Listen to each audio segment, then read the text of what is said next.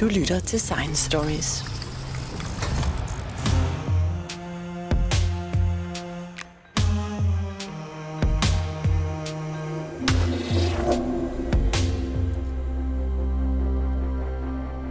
At finde levende liv eller fossiler uden for jorden har i mange år været en af de vigtigste missioner i rumforskningen.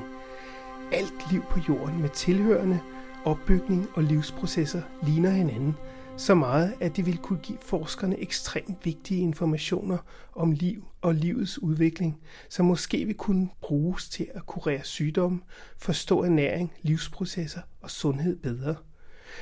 Mars er det mest nærliggende sted, hvor man leder efter liv, og selv om det ikke nødvendigvis er små grønne mænd eller flyvende suppetallerkener, man leder efter, så har der måske eksisteret liv på Mars for længe siden. Og måske kan de mulige tegn på liv, som man nylig har fundet, virkelig være liv. Jeg har spurgt professor Kai Finster fra Institut for Biologi på Aarhus Universitet om, hvad mulighederne er for at finde liv på Mars, og nogle af de eksempler på opdagelser, som måske kunne være liv. Og Kai Finster, hvordan kan det være, at man ikke bare lige har fundet liv allerede på Mars? Jamen det er jo nok, fordi Mars øh, er et sted, hvor liv, i hvert fald det liv, vi kender her fra Jorden, vil have det rigtig svært. Så hvis vi ser på Mars, så er det jo en planet, som har ingen eller en meget tynd atmosfære. Den har stort set ingen vand, i hvert fald ingen flydende vand på sin overflade, og den, øh, øh, den har nogle temperatursvingninger, som ligger mellem omkring 20 grader midt på dagen til over, under minus 120 grader om natten. Så alt i alt et, øh, hvis man siger det på godt jysk, et rigtig træls sted at være, for i hvert fald for det liv, vi kender på, på jorden. Så der er ikke nogen jordiske organismer, som uden videre vil kunne drives på Mars. Så hvis vi skulle lede efter liv på Mars, så skulle det være et liv, som har udviklet sig under de her specifikke forhold øh, på Mars. Og alt det, vi kender til indtil videre, alle de steder, vi har kigget, der har vi ikke været særlig heldige. Vi har ikke fundet liv, vi har heller ikke fundet spor af liv.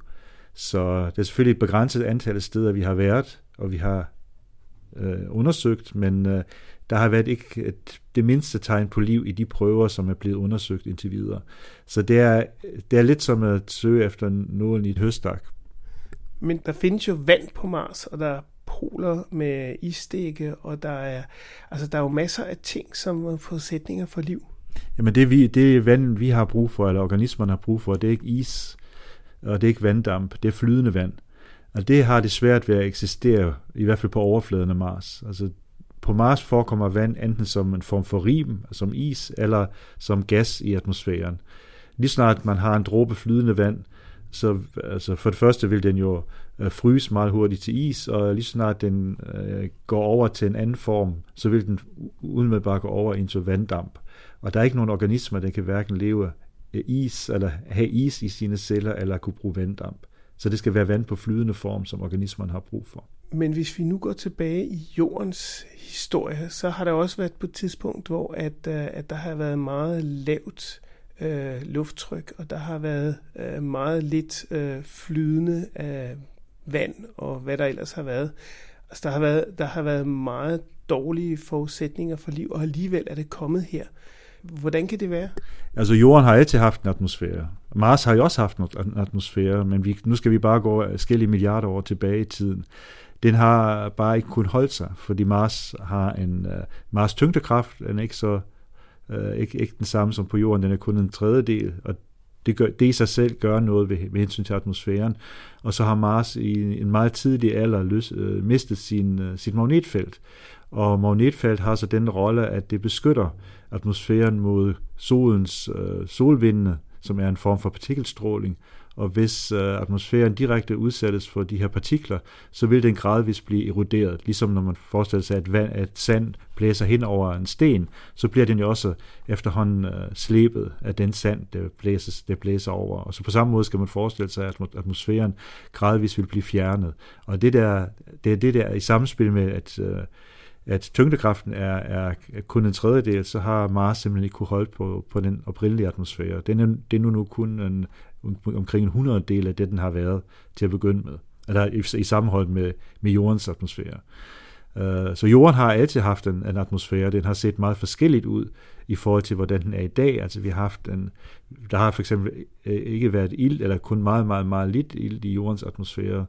Uh, ilten kom først til sådan for godt og vel et milliard år siden, i hvert fald i en, i en koncentration, som uh, betyder noget for livets udvikling.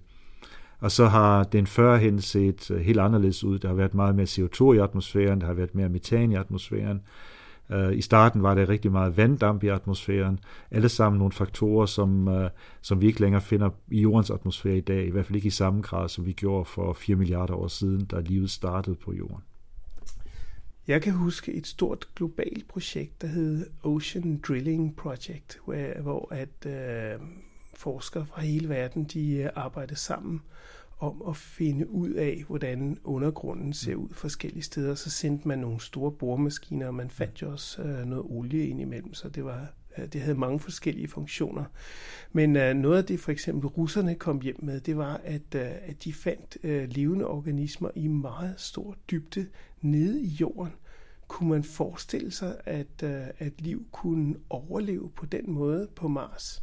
Ja, det kunne man sagtens forestille sig. Altså det vi, den dybde, vi har boret Altså, når vi snakker om det der Ocean Drilling Project, så er vi flere kilometer ned i havbunden. Det, vi har, det, det dybeste, vi har boret i Mars, det er en, knap 20 cm. Så det er jo, vi krasser lige overfladen, og det er, jo, det er jo helt klart, at forholdene, når man kommer længere ned i, ind i Mars undergrund, er nogle helt andre end dem, vi har på overfladen. For det første vil man, vil man være beskyttet imod stråling, altså lige snart man er et par meter under overfladen, så, så har, har, spiller stråling ikke en stor rolle.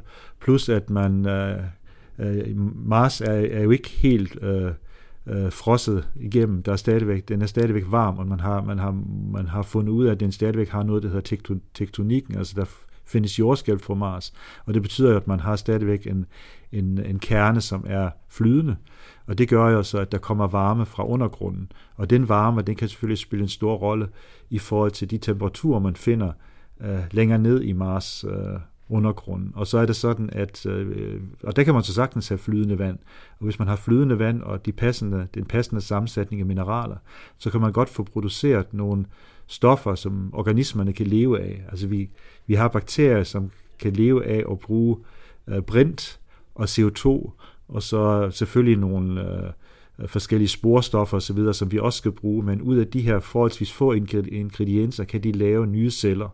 Altså det er nu ikke bakterier som sådan, der er nogen, der hedder metanogene archaea, som er en gruppe af organismer, som ligner bakterierne, men er sin helt egen udviklingslinje, når man kigger på det evolutionært. Men de kan leve af, i princippet kan de leve af CO2 og brint, og så producerer de metan, og den energi, de får ud af denne metanproduktion, den er nok til, at de kan bygge nye celler. Egentlig på et meget, meget simpelt grundlag kan man få dannet nogle ret komplicerede organismer. Og de vil kunne leve i, øh, i en tilpas dybde. Og, og brint og CO2, det kan simpelthen dannes på baggrund af nogle forskellige geokemiske processer, der kan forekomme i undergrunden af Mars. Og når du nu lige nævner metan, så er det jo netop en af de gasser, som man har kigget efter, og uh, som man fandt på et tidspunkt, og lige pludselig så var det væk igen. Ja, meget, altså metan på Mars har sin helt egen historie. Den, uh, de første sådan, uh, hvad man kalder sikre beviser for metan i, øh, i metan i Mars-atmosfæren, det ligger cirka 20 år tilbage, øh, hvor man har målt det fra, fra jorden ved hjælp af nogle, nogle teleskoper, som man kan bruge til at undersøge øh, sammensætningen af atmosfæren. Um, og så det, der var det, der er interessant ved metan, det er, at man på jorden kender metan primært som en form for biogas. Altså meget af det metan, vi finder, altså som vi bruger som naturgas, det er, det er metan, øh, og det er dannet af nogle forskellige øh, øh, mikroorganismer. Når de omsætter organisk materiale, så, så bliver metan sådan et slutprodukt. Der, der findes også processer, som rent geokemisk kan producere metan. Men man kan finde, man, hvis man undersøger det geokemiske og det biologisk dannede metan, så kan man se, at de er forskelligt. Uh, og den måde, de, de adskiller sig på, det er, at uh, hvis man kigger på kulstof, så findes kulstof uh, på forskellige former, så man kalder det isotoper. Det vil sige, det er sådan set det samme stof, rent kemisk, men de har et, øh, et, et varierende antal neutroner i deres kerne. Og så har vi noget, der hedder kulstof 12, øh, som har 6 neutroner, og så har vi kulstof 13, som har 7 neutroner. Øh, og de opfører sig lidt forskelligt, når de skal reagere. Øh, eller øh, kulstof, når kulstoffen skal reagere med andre stoffer, så reagerer det, lette isotop, det som hedder kulstof 12, en lille smule hurtigere end det tunge isotop. Så man kan få nogle, øh, det vi kalder det biosignatur, nogle, nogle aftryk af biologi ved at kigge på øh, det oprindelige materiale, altså det metan dannes udefra, og så det, det metan, vi får dannet de her øh, mikroorganismer. Og det, det metan, der bliver dannet af mikroorganismerne, er en lille smule lettere, fordi det har mere af det lette isotop i sig, øh, i forhold til hvis det var en kemisk proces. Og så på baggrund af de her isotopforskelle kan man sige noget, om det er en øh, biologisk dannet metan, eller om det er en geokemisk dannet metan. Det er bitte små forskelle, men de er store nok til, at man kan sige noget om oprindelsen af det metan, man kigger på. Og det vil selvfølgelig være super spændende at øh, undersøge det metan, vi har på Mars. Altså hvis de samme regler gør sig gældende, og Mars øh, organismerne fungerer efter de samme biokemiske principper, som jordiske organismer gør, så vil man også der se en forskel i, i fordeling af de her isotoper i det metan, man måler på. Det har man så ikke gjort endnu, så man mangler ligesom at, at kigge på, øh, og man kan se de forskelle. Så man må også sige, at øh, metan, den mængde metan, man har målt på, på Mars, det er cirka en tusindedel af det metan, man finder i jordens atmosfære. Så det er også, at man skal virkelig have nogle meget følsomme instrumenter til at kan måle de bitte små forskelle i noget, som allerede forfindes i en ret øh, lille mængde. Så der er store udfordringer rent, rent teknisk til at, til at måle på det. Jeg har også hørt en forsker, som mener, at øh, metanen findes mere lokalt. Altså det ikke er, er på planetniveau, man skal lede efter den, men det er sådan lokale bestemte steder. Ja, altså de første undersøgelser, man lavede, der, der kiggede man som sagt fra jorden, øh, og der, så, der, der havde man jo ikke mulighed for at fokusere de her teleskoper så præcis, at man kun målte bestemte steder. Der var det hele atmosfæren, man undersøgte, og der fandt man forskelle i fordelingen af metan, så det var ikke jævnt fordelt i atmosfæren. Efterfølgende har man lavet nogle undersøgelser, som du siger, at så kunne man ikke detektere metan. Man har nogle satellitter, der flyver omkring uh, uh, Mars, og som undersøger atmosfærens sammensætning. Og de satellitter har ikke kunne påvise metan. Altså der er nogen, der de, de, decideret er bygget til at skulle kigge efter metan. De har ikke kunne finde det. Curiosity, som er en rover, der kører rundt på overfladen af Mars, øh, har, har både målt metan og har målt ikke metan. Altså ikke, har, har ikke kunnet måle metan. Så det er sådan en af de, øh, et af de øh, øh, store spørgsmål, hvor man stadigvæk øh, uh, er, ikke, er ikke helt sikker på, om det, om det man efter, det man går efter faktisk forfindes. Men det vil simpelthen sige, at det kræver en prøve af atmosfæren på Mars, hvor man kan måle tilstrækkeligt meget metan, så man kan afgøre, hvordan det er blevet dannet. Ja, lige præcis. Og det, det kan man sagtens. Man kan godt bygge instrumenter, der kan gøre det. Så man behøver ikke at tage metan hjem til jorden for at undersøge det her. Man kan godt lave de undersøgelser på Mars. Men det har man, altså man har ikke, man har ikke jeg, jeg, jeg, jeg bliver da faktisk svar skyldig. Jeg kan ikke sige, om man har, om man har prøvet på at køre noget massespektrometri. Altså det vil være den metode, man bruger til at se på isotopsammensætning øh, og hvad resultaterne har været af det. Men hvis det har været, jeg er sikker på, hvis det har været en isotopsammensætning, som ligner isotopsammensætning af biologisk dannet metan her på jorden, så havde vi hørt om det. Men jeg forestiller mig også, at øh, på overfladen af Mars er vilkårene for overlevelse ikke særlig gode, fordi øh, selvom der måske øh, er nogle organismer, eller vil være nogle organismer, der landede der, altså så bare støvet er jo, er jo meget uvenligt over for liv. Ja, altså det forholdene er elendige, for at sige det mildest talt. Altså, vi kender organismerne, og primært mikroorganismerne, som lever i nogle af de kolde ørkener, man har på Antarktis, hvor der er ikke meget vand. Der lever de faktisk ned i nogle sten. Uh, altså, hvis man, tager, hvis man løfter stenene, så kan man simpelthen se nogle farvede bånd af forskellige typer organismer, der laver fotosyntese, som, som opholder sig under overfladen, fordi de kan ikke tåle den der kraftige ultraviolette stråling, der kommer øh, altså kom, findes i de her miljøer. Plus at de også har problemer med at få tilstrækkeligt meget vand, hvis de lå, lå på overfladen, fordi de er virkelig tørre, de der ørkner. Øh, så der har man, der, man har på jorden organismer, der er tilpasset til de her ekstreme og meget tørre forhold, også forhold, hvor man har meget høj stråling. Men det er ingenting i sammenligning med den tørke og den stråling, de vil blive udsat for, hvis de kommer til Mars. Så det er, man er selvfølgelig meget bekymret for, at man øh, forurener Mars ved at sende nogle missioner til Mars, og det vil især blive et kæmpe problem i det øjeblik, man sender mennesker til Mars, fordi vi har simpelthen så mange forskellige mikroorganismer på i vores krop, at der vil man stort set man vil have svært ved at til sidst finde ud af, hvad er egentlig Mars-liv og hvad er jordisk liv, hvis ikke det er væsensforskelligt. Um, men det er, altså hvis man overhovedet skal uh, lede efter liv på Mars, så er jeg ret overbevist om, at man skal bo. Man skal længere ned i undergrunden, og den her mission, som hedder ExoMars, som er den europæiske Mars-mission, som desværre ikke blev sendt afsted på grund af Ukrainekrigen sidste år, den har et bor ombord. Så den skal ligesom bore to meter ned. Det lyder ikke særlig meget, men det er meget i forhold til, hvad vi indtil videre har øh, kendskab til, hvad der foregår i undergrunden. Og det, der vil være interessant ved det her, hvis den her boring, det vil være, hvis man kunne finde forskel i koncentrationen af organisk stof, som funktion af dybden. Altså jo dybere man borer ned, jo bedre, jo bedre beskyttet er prøverne øh, i forhold til øh, den skade stråling forårsager. Så hvis man finder en, stigning i øh, koncentrationen af organiske molekyler, så vil det fortælle os noget om, hvad vi kan forvente, hvis vi borer endnu længere ned. Og jo mere organisk stof vi finder, jo mere sandsynligt er det, at der også, at der også kan være liv iblandt. Fordi det man også skal huske på, det er, at det, det, nu har vi snakket om metan, og ja, det kan være svært at skelne imellem, om det er biologisk eller geokemisk metan. Men det samme gælder faktisk også organisk stof. Fordi det ene, den ene kilde til organisk stof, det er øh, biologi. Men den anden kilde til organisk stof, det er kemiske processer, der foregår i rummet. Uh, og, og vi kender noget, der hedder mikrometeoritter. Det er bitte små meteoritsten, som når de kommer og rammer jorden, brænder som, helt op, som regel op i atmosfæren, det vi kalder stjerneskud. Men der er Mars ingen atmosfære, der er kun en meget tynd atmosfære har, så kommer de hele vejen igennem og, og lander på overfladen. Og det er en proces, der er foregået over mange milliarder år, siden Mars har eksisteret. Øh, og det vil sige, at der bliver tilført organisk stof fra rummet til Mars. Øh, og vi ved fra forskellige meteoritter, Murchison-meteorit, andre meteoritter, at de indeholder aminosyre, øh, nogle af de aminosyre, som organismerne også bruger til at opbygge deres egne byggesten.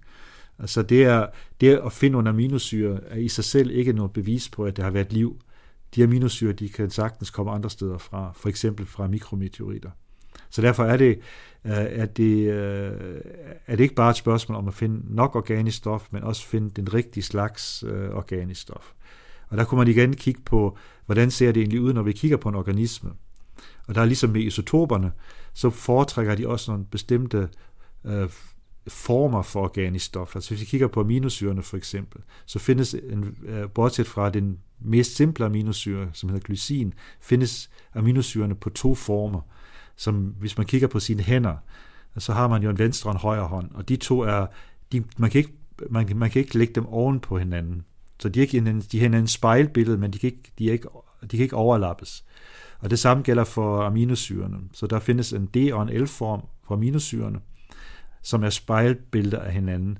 Og hvis man kigger på en organisme, og aminosyrene bruges i proteinerne, så er det sådan, at, øh, at proteinerne bruger kun den ene form af aminosyren, det vil sige det, der hedder L-form af aminosyre. Øh, så hvis man, øh, på jorden er det sådan, hvis man øh, laver nogle, for eksempel de her boringer, så kan man godt undersøge aminosyresammensætning i de prøver, man finder. Og der kan man på baggrund af fordelingen mellem den, det, der hedder L- og D-aminosyre, kan man sige noget om, hvor gammelt det her organiske materiale er, fordi det stammer fra organismerne og der sker en gradvis omdannelse. Organismerne kommer kun med L-aminosyrene, men hvis de ligger tilstrækkeligt længe, så rent kemisk omdannes de til den anden form for aminosyre. Så det er faktisk en, øh, et, et stort puslespil at finde ud af, hvor kommer det her organiske materiale fra, og øh, det er kun, hvis man har den der, det der, den der ubalance og, et overvægt af den ene type aminosyre, at det vil være et, et, et meget godt indis for, at det her kunne komme fra en organisme, som måske er døde for et stykke tid siden, og de her aminosyre, de er ligesom det, der er tilbage fra organismen. Men man kan, øh, men altså, jeg vil sige, man skal næsten stå med den intakte organisme, den må gerne være død i hånden, før man kan være helt sikker på, at man faktisk har med en organisme at gøre. Altså øh, måske også, hvis man, hvis man finder noget DNA, det vil heller ikke bare opstå spontant. I hvert fald ikke, hvis det er den komplekse type DNA, vi kender øh, fra organismerne i dag. Nå, så i hvert fald alle aminosyrene i levende organismer, de er så venstresnåede. Ja, men det, er, altså det er igen, altså, altså i hvert fald alle de aminosyre, som bruges i proteiner. Ja. Der findes nogle, for eksempel bakterierne har en, en cellevæg, og i den der cellevæg bruges det også aminosyre. Og der har de faktisk, der bruger de nogle, nogle, nogle D-aminosyre til at lave broerne imellem de her forskellige dele af cellevæggen. Der findes også andre, man kalder det for peptider, det er nogle korte typer proteiner, hvor det også indgår D-aminosyre. Men øh, hvis man har, ligesom man skal have et funktionelt enzym, altså sådan et protein, der gør, laver et arbejde ind i cellen, så består den af øh, L-aminosyrene. Men det betyder vel også, at de ikke er kompatible, så, så hvis man havde dem blandet levende ved siden af hinanden, så ville de ikke øh, kunne fungere sammen, hvis de havde de her to forskellige former øh, samtidig. Det kan de ikke. Altså man har lavet forsøg, hvor man, altså hvis man, hvis man tager for eksempel øh, DNA, der er det så, øh, der indgår øh, sukker, altså vores arvemateriale, der indgår sukker, som hedder, sukker, der hedder ribose, og der bruger man så sjovt nok ikke L-ribose, men man bruger D-ribose. Og der har man, man har lavet nogle, man kan lave nogle forsøg, hvor man, når, når DNA bygges op, så bygges den op af, af byggesten, som blandt andet indeholder den her ribose. Og der har man, i stedet for D-ribose, har man brugt L-ribose. Og så går hele processen i stå. Så de kan, det kan, det kan, øh, til synligheden er det sådan, at det skal være enten den ene eller den anden, fordi så, altså, de her molekyler, det er ikke kun et spørgsmål om, øh, den kæde, de består af, men den der kæde skal ligesom også have den rigtige form, når de folder sig sammen. Og det går, det går ikke, hvis man bruger øh, en blanding af de to. Det, som er biologernes våde drøm, det er jo, hvis man tager på Mars, og der finder en, øh, nogle organismer, som i stedet for L bruger D-aminosyre. Fordi så er vi helt sikre på, i deres proteiner, så er vi helt sikre på, at det er Mars-organismer. Men det er muligvis noget, der går helt tilbage til livets oprindelse øh, her på jorden eller andre steder, eller måske lige frem øh, galaksens dannelse.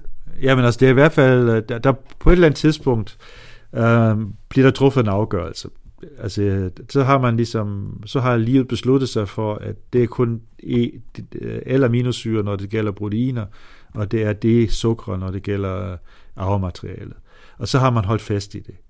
Altså vi, alle de organismer, vi kender, de er bygget op over den her liste. Altså der er L og L aminosyre, og det er sukker, der bliver brugt. Eh, det kunne godt have været omvendt. Altså mig bekendt er kemien ikke anderledes. Man skal bare vælge enten den ene eller den anden den anden form. Mm. Men jeg tænker også på, at øh, når nu er det er meget svært at overleve som organisme på overfladen af en planet som Mars, og det er en meget uvenlig miljø, så vil det formodentlig være længere nede, man finder levende organismer. Hvordan, hvordan kan man overhovedet øh, afgøre, at de er levende, hvis de lever inde i sten? Altså, hvor, og hvordan kan de, kan de leve på den måde? Er det sådan, øh, at stenene ligesom er gjort klar til dem på en måde, altså at de har været under en, en øh, kemisk transformation, sådan så de kan rumme liv, eller hvordan, hvordan kan det overhovedet lade sig gøre? For eksempel på Antarktis, hvor man har noget, de hedder, øh, ja, de lever, de, de lever i en sten, så det er organismer, der, der de, i det tilfælde bruger de ikke selve stenen som i deres stofskifte, de bruger sten som øh, beskyttelse. Øh, men der, hvis, man, hvis man ser på forskellige, øh, forskellige mineraler, hvis man tager for eksempel basalt, som er det med mineral, der dannes af vulkaner, så indeholder det noget jern. Og hvis det her jern kommer i kontakt med, med vand, så kan det blive oxideret. Og så får man, altså bliver, øh, bliver lavet om til rust. Øh, og så kan man bruge, når, dem, når noget oxiderer, så frigives der elektroner. Og de elektroner, de binder sig typisk til brint, så får man dannet, altså til, til protoner, så får vi dannet brint, og det er brinten, øh, de her organismer kan leve af. Så på den måde stiller stenene øh, den energi til rådighed, som de her organismer har brug for. Og, og energi kommer af, at de, de kan så bruge brinten, og så bruger de det til at reagere øh, koldioxid med. Altså koldioxid fungerer for de her organismer, øh, ligesom øh, ilten fungerer som, for os som åndingsmiddel. Så det er en biokemisk proces, som, som de har som en særlig mulighed? Jamen, jo, men den, den, den knytter sig til noget, noget geokemi, der foregår imellem vand og de her forskellige øh, bjergarter.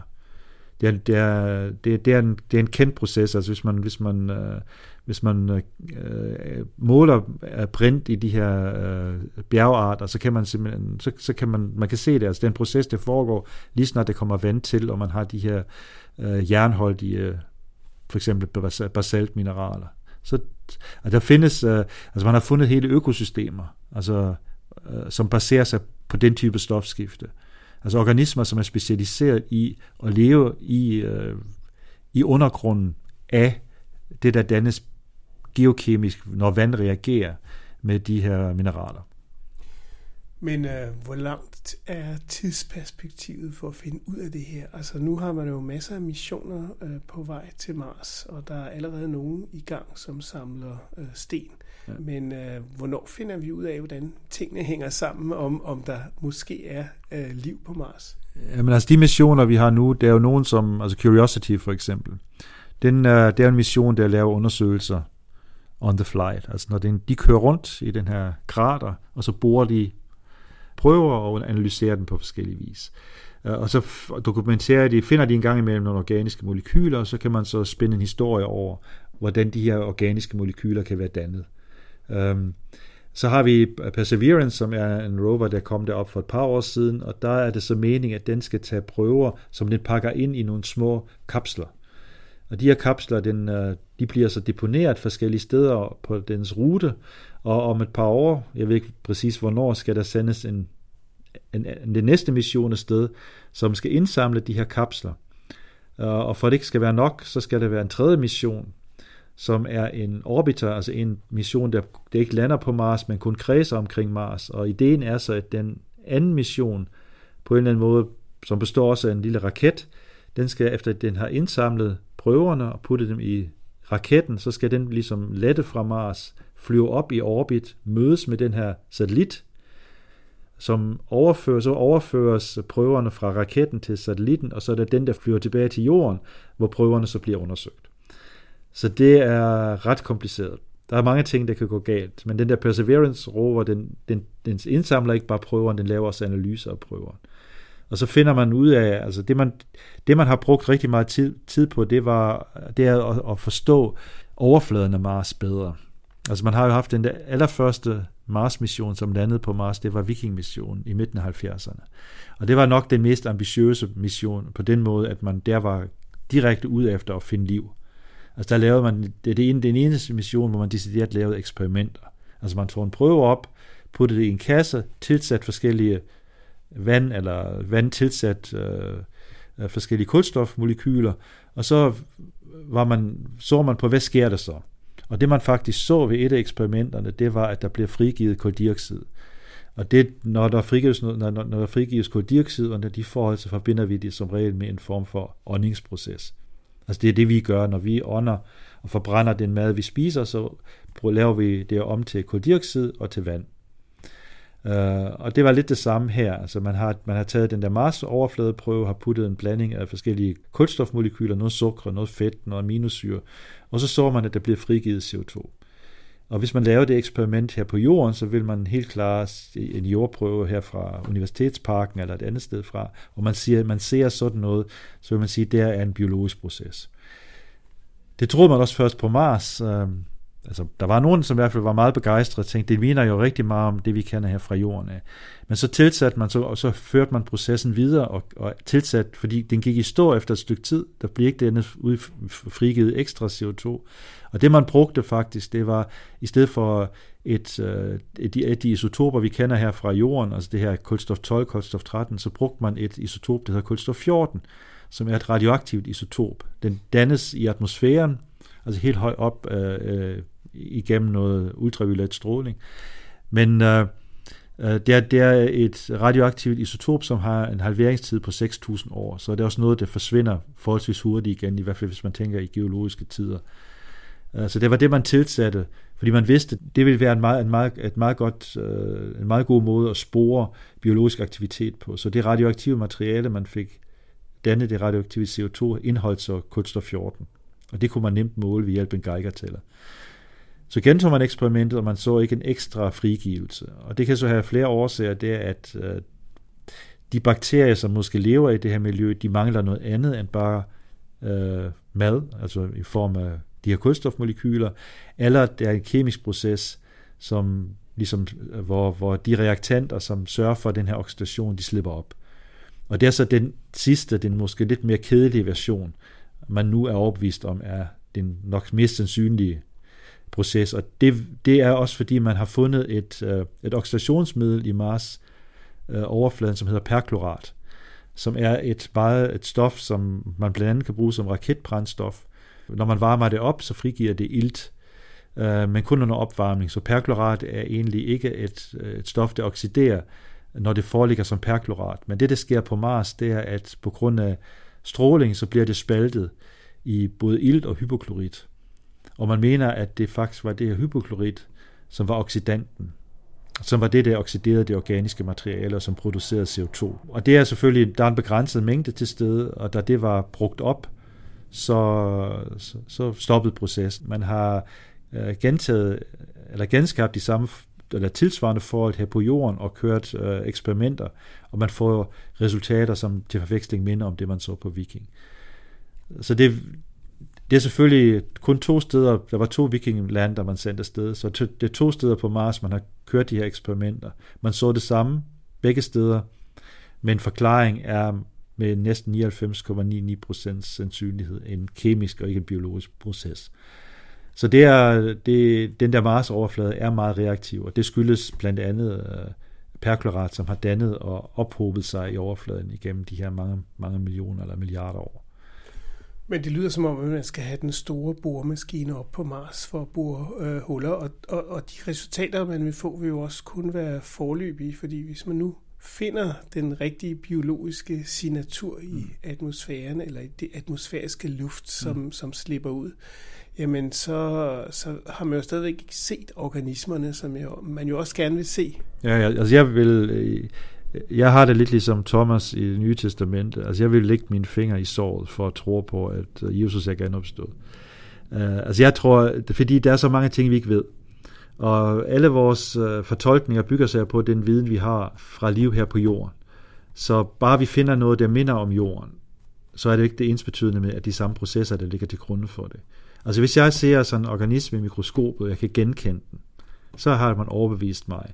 Men så længe man kun har øh, forskellige isotopsammensætninger, og vi, vi ikke rigtig, vi, vi, vi kender jo også, selv, selv processerne her på jorden har vi jo ikke fuldt forstået, så skulle vi lige så godt stoppe med videnskab. Altså der er rigtig mange åbne spørgsmål, som vi arbejder med hver evig eneste dag, fordi vi, vi mangler rigtig, rigtig mange brikker i det her kæmpe puslespil, som hedder liv. Og det gælder selvfølgelig også, når vi, øh, når vi tager til Mars. Altså det er ikke fordi, der er en anden fysik eller en anden kemi på Mars. Men det kan godt være, at der er forholdene i Mars undergrunden, som gør sig gældende, som vi ikke har fundet øh, tilsvarende her på jorden. Så vi mangler ligesom nogle prikker til at kunne fortolke de her resultater. Men det er da klart, altså hvis vi finder de her isotopforskelle, eller finder øh, en overvægt af bestemte typer aminosyre, så er der en meget, meget stærk øh, indis for, at det, det, altså det understøtter den hypotese om, at der er eller har været liv på Mars. Øh, så på den måde er det, er det, nogle meget, meget vigtige erkendelser. Men det er ikke, jeg vil ikke rende rundt og sige, okay, nu har vi vist, at der er liv på Mars. Det bliver i hvert fald spændende den dag, vi finder det. Tak skal du have, Kai Finster. Helt sikkert. Det, er en, det bliver en af de store opdagelser. Ja. Altså, måske ikke så meget for menneskeheden, men i hvert fald for de folk, der interesserer sig for biologi og evolution, og i hele taget livets tilblivelse. Jeg tror, at hele processen vil være vigtig for menneskeheden.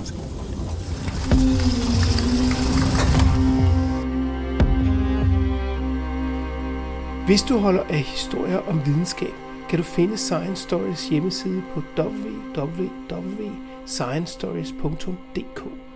Vi er på sociale medier som Facebook, Instagram, LinkedIn og Twitter. Du kan finde vores podcast på de fleste podcastudbydere som SoundCloud, Podimo, Spotify, og hvis du bruger Apple Podcast, må du meget gerne give os en rating og en kommentar, så andre også kan finde os. Jeg hedder Jens Deget, og dette var Science Stories.